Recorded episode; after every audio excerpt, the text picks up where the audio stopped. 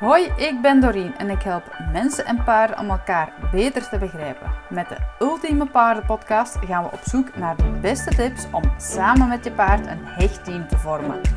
Vind je dit een toffe podcast? Abonneer je dan en laat een reactie achter. Zo help je om deze positieve boodschap verder te verspreiden. Klaar voor de start? Let's go! Hey, welkom bij de achtste Ultieme Paardenpodcast met een nadruk op team. En vandaag verwelkomen we Erika Verberne, de oprichter van Anseca Coaching en Horsemanship. Bij hen staat welzijn van mens en paard centraal. Bovendien helpen ze mens en paard om samen meer plezier te hebben op een veilige manier. En dat sluit weer helemaal aan op onze visie om een fantastisch team te vormen met je paard. Erika, welkom. Super dat je te gast bent in deze podcast. Dag Doreen, dankjewel. Leuk Heel graag gedaan. ja. Um, ja, ik ken jou al een beetje, maar voor de luisteraars, ja, wie ben je en wat doe je? Uh, mijn naam is Erika Verberne. Ik woon in Essen, Wildert. En ik heb uh, op een Paddock Paradise uh, zes paarden staan. En sinds 2004 doe ik aan horsemanship.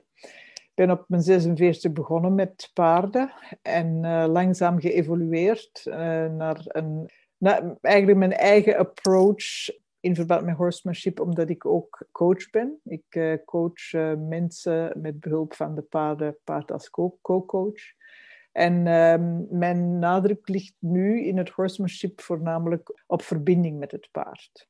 Verder ben ik van opleiding licentiaat in de Oosterse filologie en geschiedenis. In een vorig leven was dat. Ik heb 30 jaar, meer dan 30 jaar in het buitenland gewoond. Ik ben sinds acht jaar terug in België. En uh, ik ontdek van alles en ik kom allemaal heel, uh, van heel leuke mensen tegen. Ik help ook uh, mee als co-trainer bij de opleiding paardencoach.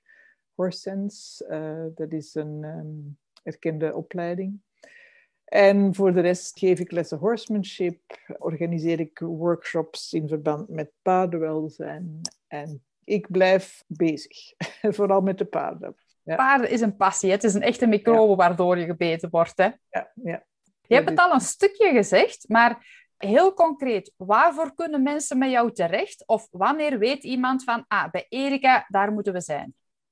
Als er iemand een... een uh een vraag heeft over een, bepaald gedrag of, uh, van, van, van het haar of, of zijn paard, of uh, zo het gevoel heeft van uh, we verstaan elkaar niet goed, of het is niet veilig, of um, ik, ik begrijp het gedrag van, van mijn paard niet of van mijn paarden niet, of hoe moet ik eigenlijk alles, alle vragen in verband met, met paardenwelzijn. En dan natuurlijk uh, heb ik mijn, mijn klanten en teams um, in verband met coaching met paarden. Ja, want je zei daar straks ook eigenlijk dat het bij jou ook gaat, en dat vind ik zo mooi, want dat is een beetje ook mijn doel, dat het bij jou vooral gaat over die verbinding tussen mens en paard. Ja, ja. En enerzijds gaat dat vooral natuurlijk tussen de mensen met hun eigen paarden, maar hoe pas je dat toe, die verbinding, als het gaat om de mensen die je coacht met jouw paarden, dus die zelf geen paarden hebben, want daar gaat het dan ook om de verbinding waarbij het paard hen helpt om de verbinding met zichzelf te vinden. Dat is toch mijn gevoel daarbij. Klopt ja, ja, dat? Of dus hoe... ja, het, het paard, ze zeggen, ze zeggen soms van paarden spiegelen, maar eigenlijk houdt het paard de mens een spiegel voor. En um, dan gaat dit over congruentie. Dus als denken, voelen en doen niet op één lijn staan, dan pikt het paard dat op en gaat daarop reageren. Eh, ik zal u een voorbeeld geven. Er komt dan een stoere CEO en uh, die moet het paard in beweging zetten en dat paard blijft gewoon met zijn vier benen uh, kan in de grond geboord staan en die krijgt dat met overreden en trekken. dat mag eigenlijk niet. Ik zeg altijd, je mocht er niet aan trekken. krijgt dat paard niet van zijn plek, dan is er iets dat hij heeft dan eigenlijk op dat moment een masker op. Hè, en zegt van, ik ben een stoere vent, ik leid een bedrijf van zoveel uh, mensen en ik ga dat hier eens doen. Maar deep down heeft hij misschien wel heel erg schrik van paarden, maar misschien ook van de mensen van, van zijn team dat erop staat te kijken. En dus hij heeft uh, een masker opgezet en dat masker heeft hij misschien elke dag op. En dat doorprikken de paarden um, binnen de paar seconden. Ja, absoluut. En ja, dat maakt uiteindelijk coaching met paarden soms ook heel confronterend. Hè? Net omdat je niks kan verstoppen. Hè? Want mensen onderling kunnen misschien nog wel nee denken en ja zeggen. En een goede coach haalt dat er ook wel uit. Maar een paard liegt gewoon niet. En een paard heeft ook geen dubbele agenda. Hè? Dus ja, ze zijn zuiver. Hè? Ja, ja, we zeggen altijd, daar heb je 500, 600 kilo leugendetector staan. Geweldig. Die ja, had ik dus, nog gehoord. Ja, nee. dat is een goeie. Nee, nee, ze geven dan... Ze, ze geven, het is zo gek, net ook. Ik had een coaching en er gebeurde van alles. En helemaal op het laatste bijt een van mijn paarden die man in zijn buik. En zo out of the blue hadden we helemaal niet verwacht, want het was, ja, het was wel voor die man was het wel intensief en, en ook de, liet centraal naar de vrije loop. En, maar hm, ik kwam zo niet bij zijn, bij zijn ding. En uh, ineens beet, mijn paard uh, in, in zijn buik. Natuurlijk even schrikken voor die man. Natuurlijk als coach zorgen voor de veiligheid ik weet ook niet wat er gaat gebeuren in de volgende halve seconde. Maar uh, dat is wel altijd zo dat als je coacht met paarden, dat de paarden in hun ego-sterkte moet, moeten staan. Dat wil zeggen, je kan zomaar niet een paard uit, uit zijn stal trekken, een paard dat er al eh, veertien dagen in zit, om, om zo te zeggen. Paarden zijn sociale dieren. Mijn paarden staan hier in kudde, lopen 24-7 rond, hebben genoeg te eten. Eh, er is interactie. Dus een, een, paard moet een paard kunnen zijn vooraleer je daarmee kan gaan coachen, want anders lukt het niet. Dat is wel de voorwaarde. En als coach ben je natuurlijk altijd voor, voor de veiligheid van mens, maar ook paard verantwoordelijk. Ik, ik zeg altijd tijdens de coaching, kijk ik zelf als een paard. Ik probeer als een paard te kijken. Dus ik probeer van alles in, in doog te houden. Er kan ook een, eh, een, een blitzsnelle reactie zijn van een paard. En dan... Maar ik heb genoeg kennis om dan iets te kunnen doen. Ja, uiteindelijk, als je je paarden goed kent, kan je bewijs van spreken, spreken met je paard zonder woorden. Hè? Ja, ja, natuurlijk. Ja, Het is sowieso allemaal zonder woorden. We doen ook soms coachings, of ik doe ook soms coachings of opstellingen zonder woorden. Want paarden hebben geen woorden nodig om iets te laten zien. En, nee. en het is heel mooi, zo als, als je gewoon meegaat op het ritme van de, de kudde, wat er daar dan uitkomt. Want mensen proberen altijd door het vele, vele babbelen dingen te verdoezelen. En, en soms, als mensen hun verhaal blijven vertellen en blijven vertellen, dan ga ik gewoon, soms gewoon buiten gehoorsafstand staan. En dan zeg ik gewoon even van, ik ga even weg. En dan laat ik de klant alleen met het paard, bijvoorbeeld. En dan komt er nog veel meer los want ja, heel speciaal eigenlijk. Hè? Ja, heel veel van die mensen zijn zelfs nog nooit dicht bij een paard geweest. En heel veel mensen hebben ook gewoon, zijn bang van, de, van een paard. Dus wat, wat er eigenlijk gebeurt, is dat die mensen al door voor een paardencoaching te komen uit hun comfortzone gaan. En ik moet dat wel bewonderen.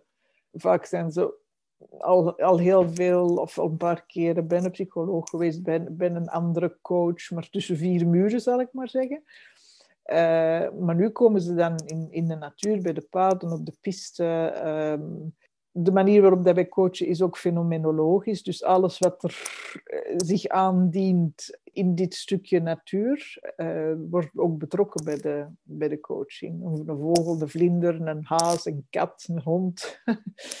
en de paarden hoeven ook niet per se dicht bij de klant te staan. Die kunnen ook gewoon ergens van achter komen of in de, in de schuilstal staan. En, dan, en wie, er, wie er zin heeft om mee te doen, komt dan ook. En wie zin heeft om buiten te gaan, mag ook buiten. Weet? Dus er is geen, geen dwang naar de paarden toe dan. En, zo, en ik heb, mijn oudste paard is 31,5 en die doet heel graag mee. Maar als het genoeg is, dan verdwijnt ze gewoon uh, onder de draad. Dat is de enige die dat kan, omdat ze klein is. Onder de draad en is ze weg omdat genoeg druk, helpen. Ja, ja omdat de druk soms te, ook te groot wordt. Ja, want ze, ze nemen uiteindelijk toch al de emoties en alles wat speelt bij die mensen, nemen ze toch uiteindelijk ook op. Hè? Ja, en, en daarom is het ook wat ik net vertelde over die ego-sterkte en dat ze in kudde leven en, en kunnen eten en rondlopen. Is het zo belangrijk om na zo'n coaching, eh, wat moeten andere mensen doen die eigenlijk is het aangeraden om niet te coachen als, hun paard, als, als, als het paard in, in de stal staat. Maar deze paarden die gaan terug naar hun kunnen, die, die kunnen gaan grazen, die kunnen samen zijn, die kunnen hun discussies daar hebben. uh, en en dat, dat is eigenlijk weer het, het schoonmaken van hun energie, wat, wat dan gebeurt. En ik moet dat ook doen, want ik pik natuurlijk ook heel veel op. Ja, uiteindelijk, hè, je werkt inderdaad met mensen en emoties en dingen die er zitten. Hè. Als ik het goed begrepen heb, hoorde ik jou in het begin zeggen dat je pas rond je 46ste met paard bent begonnen. Ja. Hoe ben je er dan nog bij terechtgekomen? Of wat is jouw paardenverhaal op dat vlak? Toeval bestaat niet. Het was uh, altijd al een meisjesdroom. En uh, ik vroeg elk jaar een, een paard aan Sinterklaas aan mijn ouders. Alleen nee, ik bedoel aan Sinterklaas, niet aan mijn ouders. Want die geloofden nog in Sinterklaas. En ja, dan zijn we verhuisd in 82 en dan dacht ik, ja, ik kan het wel vergeten. Uh, ben nou te oud en dan kreeg ik kinderen. En, maar telkens als ik zo'n paard zag of, of ruiters tegenkwam, dan dacht ik, goh. En dan zat ik de keer in de school op mijn bureau en ik kreeg telefoon van een moeder die vier paarden had en uh, die meldde haar dochter ziek. En we geraakten aan de praat. En ik vertelde een beetje over mijn, ja, mijn droom. En ze zei, ah, kom toch eens kijken. Kom toch eens naar de, naar de, de stal. Het was geen manege, was bij de boer. Ik zei, ja, wel eens goed. Dan kan ik misschien borstelen of mest scheppen. Hè. Ja, oké, okay, kwam daaraan. We gaan rijden, zei ze. En ik zei van, oké, ik heb al een paar keer op een paard gezeten. Ik zal maar gaan rijden.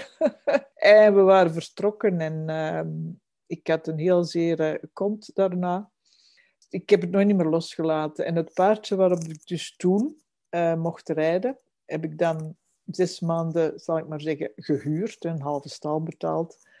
En dan uh, heb ik haar overgekocht en daar is eigenlijk mijn verhaal begonnen.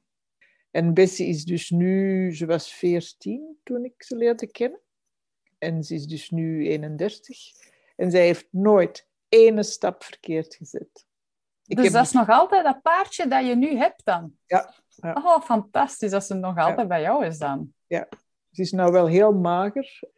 Ze wordt verzorgd zo goed, zo goed ik kan. Uh, maar ja, alles wordt oud. Hè. De tanden slijten af. Uh, artrose heeft ze, maar dat heeft ze al uh, heel lang. Zij was een raining horse in Argentinië. En ze is op een boot naar het slachthuis vervoerd in Duitsland. En van Duitsland naar Zwitserland. En daar heb ik ze dan leren kennen. Ze is half de wereld dan ook nog eens rondgereisd. Ja, eigenlijk wel. Ja. ja, maar zij heeft mij echt uh, heel veel vertrouwen ge gegeven, om, omdat ze nooit iets verkeerds heeft gedaan. Ja. En ik heb de zotste dingen gedaan met haar, om de, gewoon uit onkennis, hè, om, uit onwetendheid. Maar toen ik haar zo'n vier, vijf maanden had en ik had lesgenomen en zo, dacht ik van, maar er klopt iets niet in, in deze methode. Ik, ik reed dan zogezegd western op zo'n klein... Het was wel een stevig, of het is wel, het was, het is oud nu, een stevig paard. Maar uh, het was ineens met sporen en, en zo'n vreselijk bit. En vermits dat zij een left-brain introvert is, waren er discussies waar ik geen weet van had. Zo van, ja, ja, poeh, ik, ik wil echt wel mijn eigen ding doen, uh, maar ik laat het niet zien. En ze, werd dus totaal verkeerd behandeld en ik moest, uh, ik moest daar met de zweep op en zo. En dan ben ik op zoek gegaan en dan heb ik horsemanship leren kennen. En ik weet niet of dat je dat weet, maar in Zwitserland, dat klein landje, zijn er de meeste Parelli-instructeurs. Uh, behalve in Amerika. Maar ja, dat is veel groter. Hè? zijn ja. er heel veel Parelli-instructeurs. Ik heb verschillende ja. clinics gedaan met, uh, met een paar bekende in instructeurs. En dan in uh, 2010 heb ik mijn tweede paard gekocht. Een Freiberger, een Zwitsers ras. En daar heb ik nou echt alles van geleerd, want dat was een heel gevaarlijk paard. Oei, dat was dus echt uh, je grote leermeester dan? Dat was mijn grootste leermeester. En nu is dat een paard... Ik heb daar 2,5 jaar eh, grondwerk mee gedaan. Gelukkig kende ik dat. Uh, want de meeste mensen ja, die kopen een paard en die kruipen erop en die vallen eraf. En dan is de schuld van het paard. Maar ik heb 2,5 jaar... Ik kon zelfs niet op een piste met hem hij was zo gevaarlijk. Um, hij beet, hij stijgerde, hij, hij, viel mij aan met zijn oren plat en zijn tanden bloot. Uh, schouder naar binnen en ik heb doorgezet en doorgezet. En nu is dat echt een paard ja, die volgt mij overal, die doet alles met mij. Ja, echt ongelooflijk. Als we nu even dat voorbeeld van dat paard nemen, want het klinkt toch als een echt een serieuze uitdaging op dat moment in het begin. Wat was nu, als je aan hem terugdenkt, het moeilijkste moment met hem? Of het meest uitdagende moment? Goh. Ten eerste moet ik zeggen dat, dat hij in mijn leven gekomen is op het moment dat ik het echt nodig had, omdat ik moest leren van mijn grenzen te zetten. Dus dat was al op zich een, een uitdaging. De uitdaging was om te zeggen van ik sta hier en, en ik ga voort. Ik ga jou niet teruggeven van waar dat je komt, want ik denk dat je daar mishandeld bent, want anders zou je niet zo reageren. Hij was vijf toen ik hem kocht. En de grootste uitdaging in het begin was van hem niet kwijt te spelen. Ik ging wandelen in het bos, er, ernaast, hè, aan de lange koord. En ik werd geflankeerd door mensen wiens paarden in dezelfde groep stonden. En zelfs dan vloog hij rond, stijgerde hij, vloog hij gelijk een luchtballon rond in het bos. En de uitdaging was dus van, ja, je blijft wel bij mij, want het is hier veel te gevaarlijk. Hier lopen andere mensen rond. Hmm. En ehm, ik heb verschillende keren gedacht, want ik deed het dan ook alleen, ben er dan wel mee gestopt, dat ik een hartinfarct ging krijgen. Oei. En hij, had vluchtgedrag tot en met. Zijn hoofd naar boven, zijn staart naar boven. Het was zo eh, één, bijna één verticale lijn. En ik weet niet dat ik het moet uitleggen, maar gewoon vluchtgedrag tot en met. En daarom ben ik dan in de roundpen gegaan en daar heb ik alles uit de kast getrokken. en, ja. en uiteindelijk heb ik na anderhalf jaar stijgeren. En ik heb ook andere, andere lessen ben ik ook gaan volgen bij, bij andere horsemen ik heb eigenlijk een mengeling gedaan van alles wat ik kon, kon leren, kon krijgen. Dubbele lijnen, dual activering, uh, Tellington, uh, Linda Tellington Touch. Touch, Tellington Touch heet het, ja. En dan ben ik ook uh, de basis van shiatsu gaan doen. In Zwitserland heet dat acupressur.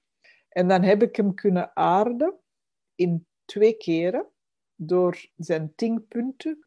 De, de tingpunten zijn 1, 1, 2, 3, 4, 5, 6 à 7 punten uh, juist um, boven de hoef, op de kroonrand. En dat moeten dan op alle vier benen, alle vier uh, voeten, zou ik maar zeggen, behandelen. En hij is gestopt met stijgen. Hij heeft het nooit meer gedaan. Oké. Dus als ik iemand hoor met een, uh, paar, met, met een paard dat serieus last heeft van stijgeren, dan zal ik ze ja. naar u sturen voor ja. uh, die behandeling. Dat is wel bizar. Ja, maar natuurlijk, hè, je moet altijd proberen van, van te achterhalen waarom zo'n paard zo, zoiets doet. Want die stijgen niet voor hun plezier. Hè? Nee, meestal dus, inderdaad iets, eh, ja, een ervaring uit het verleden of hoe ze behandeld zijn geweest. Het is meestal gewoon een verdediging dat ze hebben aangeleerd. Hè? Ja. Maar dan terug even op dat stijgeren, want dat vind ik wel boeiend als je dan zegt van door die behandeling, hoe denk jij dan dat het dan het behandelen van die punten effect heeft op het, op het stijgergedrag. Want uiteindelijk is dat inderdaad ergens een, een reactie op een ervaring of op een, ja, een rugzak, bij wijze van spreken, die ze meedragen uit het verleden. Hoe lost dat elkaar op dan? Ja, dat, is aarde, hè?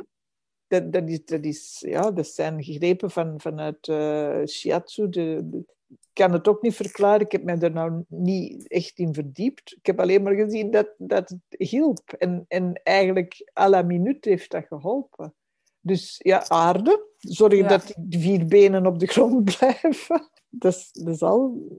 In die soort behandelingen en therapieën, zal ik zeggen, werken ze sowieso met hoe moet ik het zeggen, energie of, of energiebanen. Ja, het is inderdaad misschien moeilijk om dat onder woorden te brengen, maar ik vind het toch echt wel uh, een heel straf resultaat. Ja. ja, ik ga het zeker in mijn achterhoofd houden als ik nog eens iemand hoor. Ja, en uh, ja, er zijn natuurlijk mensen voor die daarvoor gestudeerd hebben. Ik heb zo een, een, een, een reeksje gedaan van een, een, paar uren, maar het heeft zijn effect gehad. Wat hij ook deed, was constant bijten. En uh, daar heb ik ook van alles. Uh, ik heb dan ook raad gevraagd aan, aan mijn instructeurs. En uh, niemand wist, wist het echt. Ik, ik, liet mij in zekere zin doen, want ik ben helemaal... Ik heb van hem geleerd van grenzen te zetten, maar ik ging hem niet iets vreselijks aandoen. Dat, dat is niet mijn karakter. Maar ene keer heeft hij mij in mijn borst gebeten. En toen heb ik een fase 4 op zijn neus gedaan. Dat heeft juist geen bad geholpen. En toen kwam er een hoefkapper nu moet ik even denken, hij, droeg ijzers. En misschien heeft dat ook wel te maken met, uh, met die energie die niet kon stromen naar de, naar, naar de aarde toe. En dan heb ik beslist van, van die hoefkapper dan te laten komen. Zijn de ijzers weggegaan en die, die deed ook horsemanship.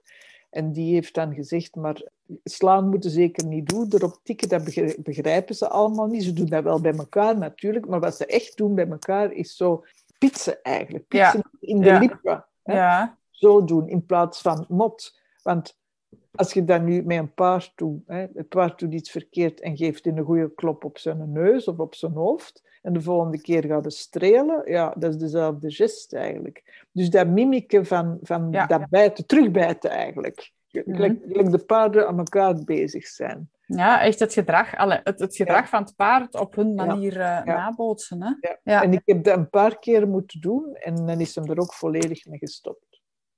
Dus ik heb gedurende zeker 2,5 jaar die, die band van op de grond opgebouwd. En dan ben ik er in de ruimte een keer op, op gaan zitten. En toen heeft hij mij echt gevraagd van, meende jij dat echt? Mag, mag ik bewegen? en dan deed hij zo een paar passen en dan vroeg ik naar draf. En dan was hij zo van, mag ik dat echt doen? Zei zeker? Dat is precies of hij betrouwde zichzelf niet. Ja. En dan heb ik gezegd, ja, ja, het mag. En dan heeft hij een paar stapjes gedaan. En uh, vanaf die moment kon ik er ook op rijden. Ja, dat is mooi hè. Ik heb het zelf ja, niet, niet zo extreem. Ik heb andere serieuze uitdagingen met hem gehad. Maar met mijn nieuw paard heb ik nu ook ongeveer een jaar met serieuze uitdagingen bij mij komen. Ik heb ook bewust ervoor gekozen om er eerst een goed jaar grondwerk mee te doen. Omdat ik dacht van, ik moet gewoon ergens beginnen met dat vertrouwen op te bouwen. Want hij had ook bepaalde dingen uit het verleden waar hij mee zat. En ja, die hij gewoon liet merken. En nu ben ik er sinds kort ook mee aan het beginnen rijden. En ik herken het wat je zegt, dat hij zelf zo heel voorzichtig is. Als ik hem iets vraag van wat je zegt, van ben je zeker en gaan we dat doen? En ik voel in het begin dan heel veel twijfel. En als we er dan door zijn, ja, ja dan voel ik wel van, dan vindt hem dat precies ook weer wel leuk. Dan voel ik hem zo precies een soort trots opbouwen weer. Ja, dus dat is wel mooi. Ja, ja, en dat is ook een beetje misschien toch het verschil tussen een heel jong paard dat alles nog moet leren en dat, dat bepaalde, zoals je zegt, alle rugzak heeft op heel jonge leeftijd. Dat is met kinderen ook zo, hè? dat is met mensen ook zo. Ik weet dat, dat Carlo in een stal stond tussen een paar koeien vastgebonden. In een donkere stal. En hij had zelfs op zijn neus een, een heel gat, zal ik maar zeggen. Dus het, het neusbeen oh. was vergroeid door, door dat vaststaan. Dus van het moment dat hij buiten ging, had hij zoveel prikkels. Het is ook een left-brain extrovert. Allee, het was een left-brain extrovert. Intussen is hij al veel milder geworden. Ja, moest nog alles leren. Een geluk dat dat soort paarden dan eigenlijk bij mensen zoals wij terechtkomen, die er echt de tijd voor willen nemen om ze te proberen begrijpen. Daar begint het uiteindelijk mee. En, en met, met geduld en liefde te omringen om ze dan ja, te helpen weer, weer, weer beter te maken en zich weer goed te doen voelen. Maar het is inderdaad wel een hele uitdaging. En het is gewoon iets van lange duur. Zoiets is niet iets wat je op twee maanden oplost. Of dat geloof ik toch niet. Dat je zoiets op twee maanden echt uh, gaat nee, fixen. Het, het, weet je wat ook heel belangrijk is? En dat moet ik jou niet vertellen, maar dat is, dat is voor de luisteraars belangrijk dat je zonder emotie, uh, ja. zonder emotie van frustratie ja, en, en, en, woede van, van oh, dat gaat hier niet en, en nu, oh, nu word ik ongeduldig, dan kun je beter even weggaan en de volgende dag terugkomen. Ja. En dan even op dat moment naar jezelf kijken. Dat heb ik dan weer geleerd, hè, met coach te worden van wat, welk stukje is van mij en waar moet ik aan werken. En, ja. en verlang ik niet iets van, van dit paard dat, waar hij nog niet klaar voor is. En dat weet jij ook, elk paard is anders. Hè? Ja, en uiteindelijk zijn wij degene die doelen hebben met die paarden. Die paarden zelf hebben niet het doel om op een hoog niveau wedstrijd te rijden of om te springen of weet ik veel niet. Het doel van een paard is gewoon gelukkig zijn in de kudde en veel gras eten, zou ik denken. Ja, ja, en dat vind ik dan zo spijtig als mensen vragen, ah, je hebt paarden, heb je een springpaard? Ik zeg, of heb je een westernpaard? Ik zeg, dat staat niet op zijn voorhoofd geschreven, hoor. En dat vind ik juist zo dramatisch, dat, dat, dat sommige paarden gekocht worden en die, die, moeten dan, die worden dan gefokt om dit of dat te doen. En die zijn daar helemaal niet voor geschikt. Want ze hebben hun, hun karakter. En eh, stel voor, omdat ik over prikkels sprak. De prikkels van, van Carlo, wat dat allemaal uh, teweeg bracht. Ja, als die nou zo'n wedstrijd moeten en er is veel lawaai en veel mensen. Dat klopt wat je zegt. Mensen, als die een paard kopen voor een bepaald doel dan, in de sport, laat ons zeggen, ze kijken wel naar de bloedlijn en in theorie, op papier, is dat paard daar geschikt voor. Maar zoals je zegt, het, het karakter is niet altijd mee. Hè? Dat was uiteindelijk bij mijn paard ook zo. Op papier is dat het perfecte dressuurpaard. Gangen, soepelheid, alles wat je wilt, talent. Maar ja, hij heeft een, een vrij rebels karakter, wat op de plek waar hij was, ja, ze, ze, ze, konden er niet mee omgaan. En ook niet uit onwil, maar zoals je daar straks zei, uit onwetendheid. Want hij is met de beste zorgen omringd geweest. Hij had een heel mooi leven, maar ja, hij had niet wat hij nodig had qua omgang. En ja, daarom is het leuk dat we zoiets kunnen doen zoals dit, dat we op dat vlak toch weer een beetje meer bewustzijn kunnen brengen bij de mensen. Want als uiteindelijk iedereen probeert zich in te leven in zijn of haar paard, gewoon proberen, dan kom je denk ik al veel verder. Ja, en vooral beseffen dat de energie die je zelf meebrengt, dat dat een direct effect heeft op, op de paarden. Wist je dat paarden tot 150 à 200 meter al kunnen voelen? Dat is een bubbel eigenlijk. Ik dacht dat het zelfs verder was, want ik weet nog, als ik vroeger op wedstrijd ging, als ik meer dan een kilometer van huis was, dan zagen ze binnen al aan mijn merrie, die dan in de wei stond al. Dan liep die al naar de hoek van de wei en dan hoorde of voelde die al dat wij op komst waren. En dan waren we nog meer dan een kilometer weg. Ja, maar ik bedoel eerder zo als je in die bubbel van 200 meter... Ah, zo, ja. Ja, en, en, je, komt, uh, je bent met iets bezig, je bent verstrooid, of je bent boos, of je bent verdrietig dan, dan weten ze het al. Dan moeten ze u nog niet voor gezien hebben. En daarom, eh, omdat ze dat ook van elkaar oppikken in die kudde, de kudde is alleen maar het idee van, wij, wij, moeten zorgen voor onze veiligheid. Hè. Want zij weten ook niet dat hier geen beren en tijgers en ik weet niet wat allemaal rondloopt. Dat zit in hun DNA van, wij, wij zoeken naar veiligheid en we doen dat samen. Dus zij zijn er heel erg op alert op van minste beweging, minste spiervertrekking, maar ook wat, er van binnen in de mens omgaat, dat, dat voelen zij gewoon. Daarom kunnen ze ook zo supergoed coachen. Hè? Buiten olifanten en dolfijnen zijn paarden, en dat hebben we hier niet, dus we kunnen niet coachen met olifanten en dolfijnen. dus uh, zijn de paarden degene die, ja, die daar het best voor geschikt zijn, zal ik, zal ik maar zeggen. Ja, het is mooi, hè? We hebben het daar net gehad over ja, de uitdagingen met jouw paard. En ik neem aan dat dat momenteel allemaal is opgelost, dat je dat, je dat goed hebt aangepakt. Dus nu het omgekeerde, de mooie kant.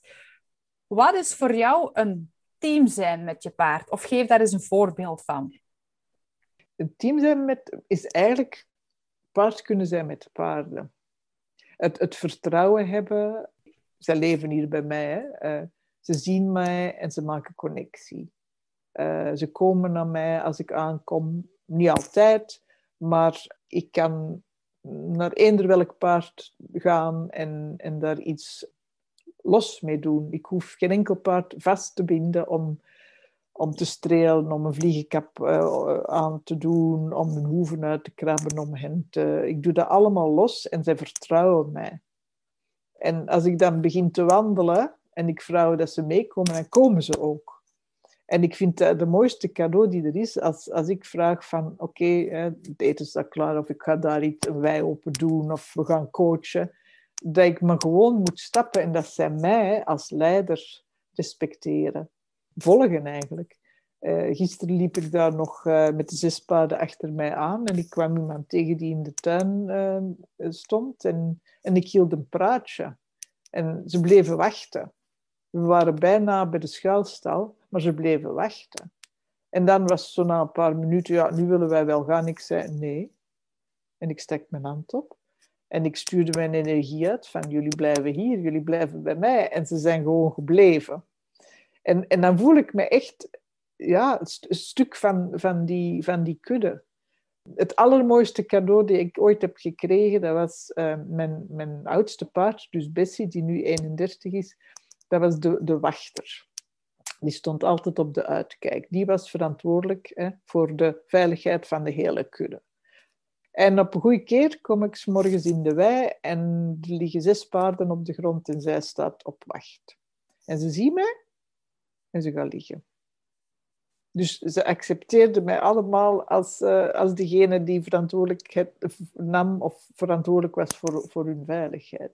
Dat is wel heel mooi, hè? Ja, ja en dat, heel mooi voorbeeld. Ja, en, en, ze, en ze communiceren, ze, ze, ze kijken, ze, ze zijn attent op wat, wat ik van hen vraag. Ik moet er ook geen, letterlijk geen woorden aan vuil maken. Communiceren zonder die woorden weer, hè, op, puur op, op verbinding. Ja, verbinding. Het woord komt altijd terug, verbinding. Ik kan er geen beter woord uh, over zinnen. Ja. En, en uh, ik, ik werk uh, dus meestal in liberty, in, vrijheid met de paarden. En ik kan hun echt gewoon, en ik, de, ik, vind dat zo'n fantastisch gevoel. En ik probeer dat ook uh, mijn, waar ik les aan geef, af en toe ook bij te brengen. Dat je echt op het energie van je eigen lichaam de paarden kunt aansturen. Je moet, je moet er zelfs niet... Je kunt op meters afstand staan en je paarden sturen wegduwen met energie. Dan moeten zelfs je lichaam in het begin wel, hè, want dat is allemaal belangrijk van, dat, dat je zelf leert van hoe, hoe dat je het moet aanbrengen. Maar op den duur kunnen dat puur met energie van een aan te trekken of weg te sturen in een bepaalde richting met focus. Heel belangrijk, focus. En dat lukt allemaal. Als je nu denkt aan dat team zijn met je paard, wat is dan de beste tip die je aan de luisteraars kan geven om thuis met hun eigen paard ook een beter team te vormen? Geduld. Geduld en gewoon niks doen met de paarden. Misschien gewoon dat inlassen, gewoon paard zijn met de paarden. Ga zelf grazen. Ga erbij staan en graast. zal niet lekker zijn, maar gewoon observeren. Hoe, hoe is de relatie onderling? Wat gebeurt er? Uh, waar hebben ze stress van? De ene heeft stress van iets anders dan... Dus probeer echt van, u, van elk paard apart, elk individu als individu te zien.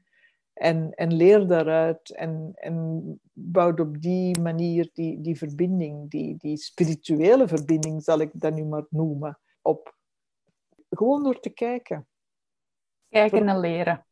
Kijken en, en leren en afwachten en begrijpen en, en vooral zen zijn. Vooral heel ja, geduld. Um... Even uit ons drukke hoofd gaan ook waarschijnlijk.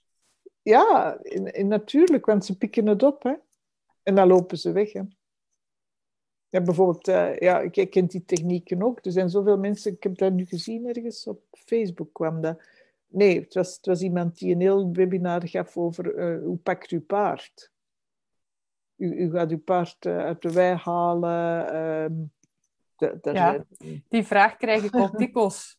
Ja. Ik, ik kan dat... Ik, weet jij hoe dat je het moet doen? Dat zal wel, hè? Ik heb daar uh, tips voor, maar dat gaat ook een hele aparte podcast nog worden. Ik zou zeggen, daar moeten de mensen maar naar mijn online masterclass voor kijken. Daar leg ik het uit. Ja, je hebt daar uh, zeker uh, methodes voor, maar in de eerste plaats is natuurlijk ook van ook zien dat je een goede band hebt. Dan moet je jouw paard ook niet gaan vangen, want dan komen ze zelf, zoals je daar straks ook zei. Hè. Ze komen altijd. Maar, maar als, als, als dat om een of andere reden niet is, of nog niet is, of nog niet sterk genoeg is. Want uiteindelijk, ja, zeker als ze in een kudde staan, de andere maatjes zijn misschien leuker dan dat ze denken van, oh, ik moet weer les gaan volgen. Ik wil niet zeggen dat ze geen goede band met die mens hebben, per definitie. Maar ja, de maatjes in het gras is gewoon leuker soms. Dan hebben we daar wel uh, technieken voor om dat paard toch vrij makkelijk te ja, vangen gebruik ik niet graag. De mensen noemen dat van vangen. om te gaan halen, laat ik zeggen. Om te gaan halen en, en meevragen. Ja. En, en soms moet je gewoon ook leiderschap nemen. Uh, daarmee wil ik zeggen, uh, het gaat allemaal goed, paarden komen mee. En dan los en dan merken ze van, oh, maar ik moet naar die piste en ik moet iets gaan doen. Op, ik ben dan toch maar weg. En wat ik dan doe, is dan ga ik er gewoon achteraan. Maar op een heel rustige manier. Ik pas mij aan aan de, aan de pas van, van het paard, al moest ik galopperen. Hè. En, en weer zonder emotie van, oh, stom paard en loopt weg en kom hier. Nee, ik ga er gewoon achteraan. En zelfs als ik er een halve dag achter moet lopen, dan, dan doe ik het. Want het loont zich. En dat zegt Parelli bijvoorbeeld. Hè? Als, uh, je, je, moet, en, en, dat is voor heel veel mensen denk ik heel moeilijk te doen, ook in het eigen leven. Als er iets niet gaat, zet dan een stapje achteruit. Daar, is, daar moeten niet beschaamd om zijn. Daar leerde alleen maar van. En dat is bij paarden ook zo. En die hebben, de ene dag zijn ze met een verkeerd, verkeerd been uit bed gestapt, om zo te zeggen. Of, of ze hebben ergens pijn. Weet je, paarden gaan ja nooit, tenzij dat ze natuurlijk serieus geblesseerd zijn, dan zie je dat er iets is, maar ze gaan nooit laten zien dat ze zich niet goed voelen, hè, want dat kunnen ze zich niet permitteren. Hè. Luister naar je paard. Luister, als je, als je ergens een handeling doet met je paard en, en, en ineens doet hij iets anders dan de dag ervoor, waar er geen probleem was, luister er dan naar. Dan is er iets. Dan klopt er iets niet. Dan heeft hij misschien pijn, of misschien heeft hij buikpijn, of misschien heeft hij poeppijn, weet ik veel, ergens pijn tandpijn. Ja, ze willen ons veel vertellen, maar het is, we begrijpen ze niet altijd, omdat ze geen woorden gebruiken en we willen ze wel begrijpen. Ja. Maar het is ja, je paard leren, leren lezen en leren kennen. En soms is dat ook wel een uitdaging, vind ik, om echt te snappen wat bedoelt mijn paard nu daarmee. Ja, en weet je wat mijn oplossing dan is? Dan ga ik dat gewoon vragen en dan voel ik dat. Uh, of ik vraag dat en ik laat binnenkomen wat er binnenkomt. Ja, zo, zo gezegd, het, het eerste gedachte dat dan binnenkomt, dat is het juiste waarschijnlijk. Ja. Dat is misschien ook nog een goede tip. Het is proberen waard, alleszins. Ja, ja en dat is, dat is geen uh, hocus pocus, dat is, dat, dat is communicatie.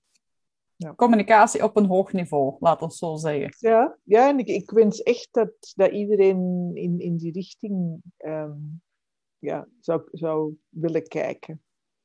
Ik ging net de vraag stellen, uh, Erike. Wat is jouw allergrootste paardendroom? Misschien is dat er een onderdeel van. Meer liefde naar de dieren toe in het algemeen. Meer begrip. Kijken naar, naar wat de dieren ons willen zeggen. Luisteren naar wat, ze vragen. En, en vooral uw hart laten overlopen van, van liefde. Niet dwang, niet controle geen boosheid, geen, ook geen angst. Want er zijn wel een aantal mensen die paarden hebben, die eigenlijk bang zijn van hun paard. en, en niet overvragen ook niet. En misschien elke dag aan jezelf vragen, waarom heb ik dit paard? Of waarom heb ik paarden? En, en wat wil ik echt? Wat is mijn doel? en eigenlijk zou het doel moeten zijn, ik wil niks van mijn paard en dan zien we wel.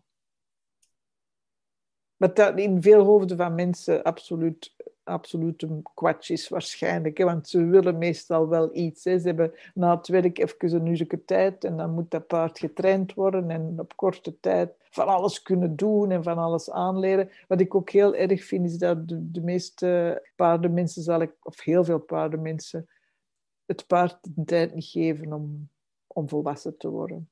Maar dat bedoel ik fysiek volwassen, maar ook mentaal volwassen. En sommige rassen zijn dat vlugger dan andere.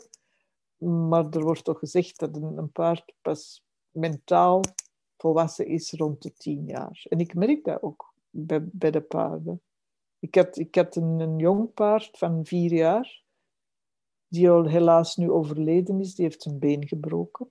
En uh, die was zo groot en die was al direct op zijn drie uh, in western shows moeten, moeten gaan sliding stops doen en van alles en nog wat. Maar die, die was een meter 74.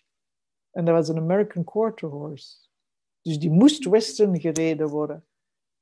En, en hij was zo bang als iets van al die prikkels en, en de lawaai. En, en hij was al kapot op zijn vier en dan heb ik hem gekregen.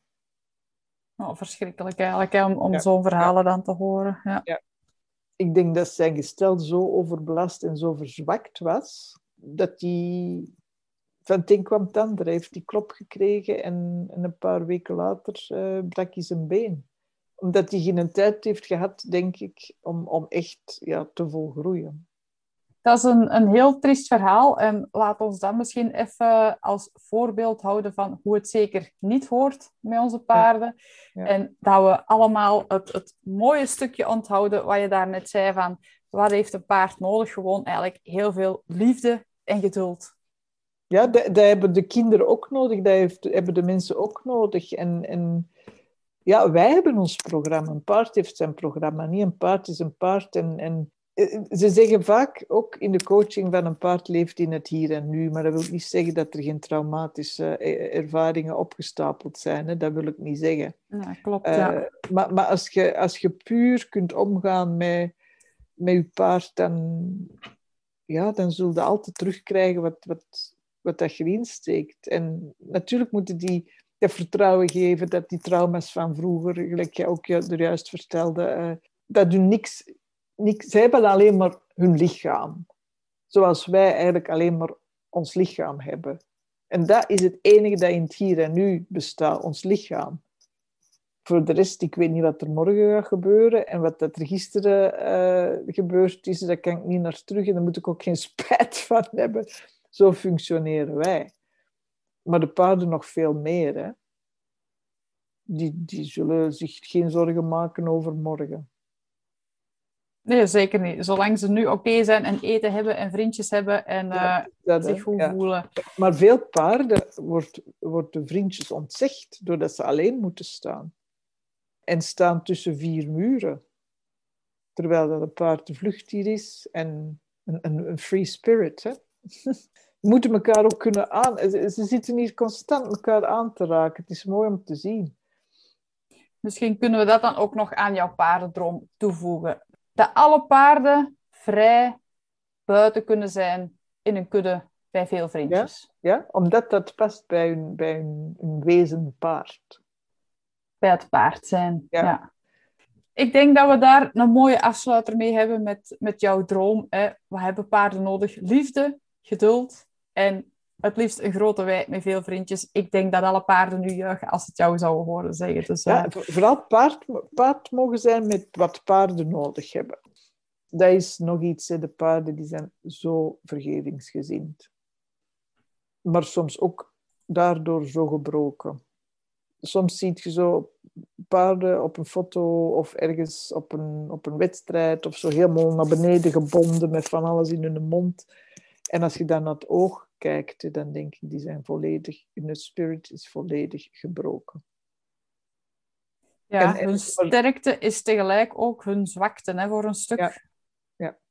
En maar zo'n paarden zijn, zijn heel gemakkelijk te rehabiliteren met, met, met de nodige kennis en, en geduld. Want ik heb er eigenlijk allemaal zo staan, die gebroken zijn geweest.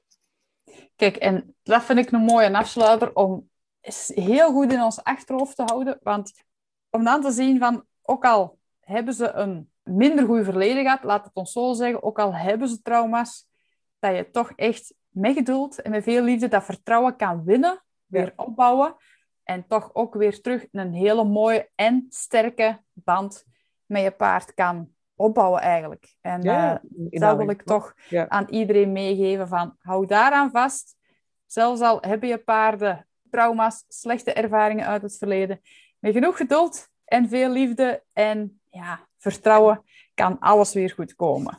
Ja, en de, en de nodige ondersteuning natuurlijk. Hè? Want je kunt uh, niet echt een boek lezen daarover en aan de slag gaan. Ik denk dat het wel belangrijk is om de juiste mensen tegen te komen om je op weg te zetten. Ik zeg niet dat je je leven les, les, moet volgen, maar gewoon uh, het, het zaadje planten, een paar dingen tonen van zo kan het. En, en dan, dan zien we wel. Dat klopt. Dus uh, schroom niet om hulp te vragen. Schaam je daar niet voor. Want je kan ook niet alles weten. Niemand weet alles over paarden. Maar uh, als je iets hebt met je paard of je voelt dat er iets niet, niet klopt met je paard, zoek hulp en vertrek vanuit dat geduld en dat vertrouwen. Ik denk dat dat een mooie is als afsluiter voor de luisteraars, ja. waar ze weer mee denk ik ook. Ja. Heel goed. Erika, hartelijk dank voor jouw inbreng, voor jouw tips, voor, jou, ja, voor jouw verhaal. Heel mooi wat je allemaal hebt gedeeld. En ja, hartelijk dank dat je met ons de uitzetting wou delen. Dorien, bedankt. En uh, ook bedankt. Uh, sa samen zijn we sterk, hè? Uh, gelijkgezinden die, die anderen kunnen begeleiden in, in hun proces, dat is heel belangrijk. Zo is het, want uh, er valt nog genoeg te doen in paardenland, dus uh, alleen kunnen we het ook niet. Hè? Nee, echt, echt niet. Hartelijk dank en wij horen elkaar snel weer. In de volgende podcast verwelkomen we een nieuwe gast. Ben je benieuwd welke tips deze geheime gast ons brengt? Luister dan ook naar de volgende aflevering van de Ultieme Paardenpodcast. Dankjewel om te luisteren naar deze podcast en ik hoop van harte dat je ervan genoten hebt. Het is mijn missie om mensen en paarden te helpen om elkaar beter te begrijpen en om samen een hecht team te vormen. Wil jij ontdekken wat mijn geheim is om goed te zijn met en voor paarden? Download dan mijn digitale gids via mijn website dorinlambres.com. Vond je dit waardevol? Deel dan deze podcast, volg me op Instagram of Facebook en abonneer je op mijn YouTube kanaal. Zo zorgen we samen voor een mooiere wereld voor onszelf en onze paarden. Bedankt en tot binnenkort!